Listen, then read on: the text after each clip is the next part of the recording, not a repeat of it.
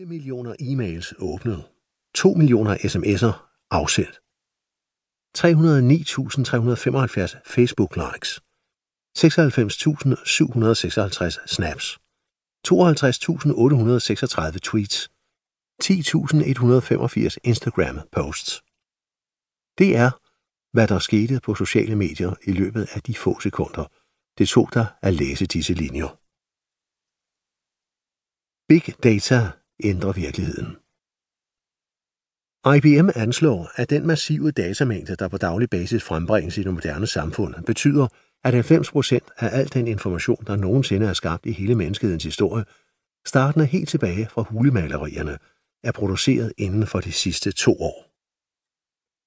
Instinktivt kan enhver formentlig fornemme, at der i løbet af de sidste 5-10 år er sket markante ændringer i verden omkring os.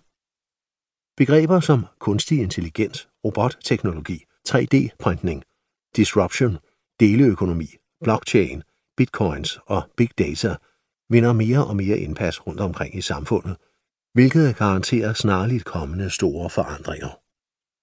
For det almindelige menneske kan alt dette virke forvirrende, bekymrende og futuristisk. Langt de fleste af disse forandringer er relateret til den teknologiske udvikling, og især drevet af væksten i de firmaer, der har formået at udnytte denne udvikling nærmest til perfektion. Firmaer som Apple, Facebook, Alibaba, Google, Uber, Airbnb, Netflix, Amazon og Spotify, for bare at nævne nogle få af den nye tids virkelighedsskabende firmaer. Men hvad er det egentlig, der er ved at ske omkring os? Og hvilke spørgsmål rejser det om den virkelighed, som vi befinder os i? Hvilken effekt har de store firmaers anvendelse af den teknologiske udvikling på vores tilværelser? Dette vil jeg forsøge at give dig nogle svar på i dette kapitel. Internettets aftryk på verden Vi hører ofte det synspunkt, at udvikling er en naturlig del af hele menneskehedens historie. Så hvorfor alt det på styr, når snakken falder på, hvad der sker i disse år? Postulatet om, at det, som vi oplever i disse år, er unikt og uden fortilfælde, kræver der også nogle ord med på vejen. For ja, det er sandt, at vi gennem historien har set masser af udviklingsprocesser, der har præget menneskers liv i voldsom grad. Som eksempel kan nævnes de tre tidsaldre, sten, bronze og jernalderen, hvor mennesket gradvist lærte sig at betvinge naturen og udnytte dens ressourcer til bedre at kunne overleve i en hård og brutal verden.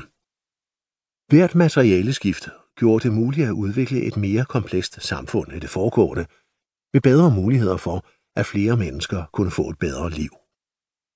Alligevel bredte fremskridtene i disse tidlige faser sig særdeles langsomt. Alene af den årsag, at verden var enorm, og at det tog oceaner af tid at opdage nye opfindelser, og ikke mindst udbrede kendskabet til dem.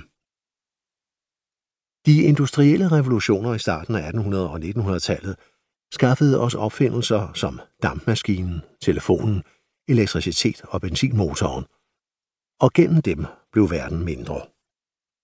Udbredelsen af nyskabelserne skete her nærmest eksplosivt, så langt flere mennesker blev påvirket langt hurtigere end nogensinde før.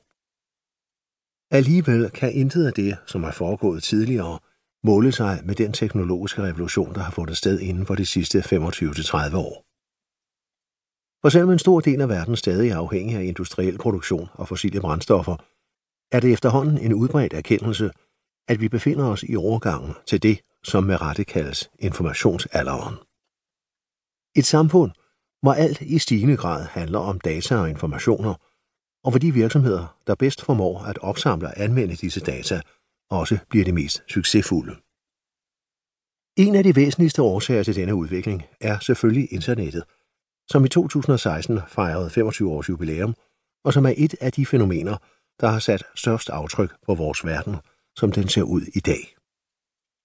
Hvor telefonen ved at forbinde mennesker stemmer revolutionerede kommunikationen, gjorde internettet det pludselig muligt at udveksle informationer og indgå i digitale netværk med alverdens formål for øje. Den globale landsby var skabt. Et mål for, hvor voldsom en vækst internettet egentlig har haft, kunne være antallet af mennesker, der bruger det. Kort fortalt har denne udvikling betydet, at flere og flere processer i vores samfund er blevet informationsbaseret.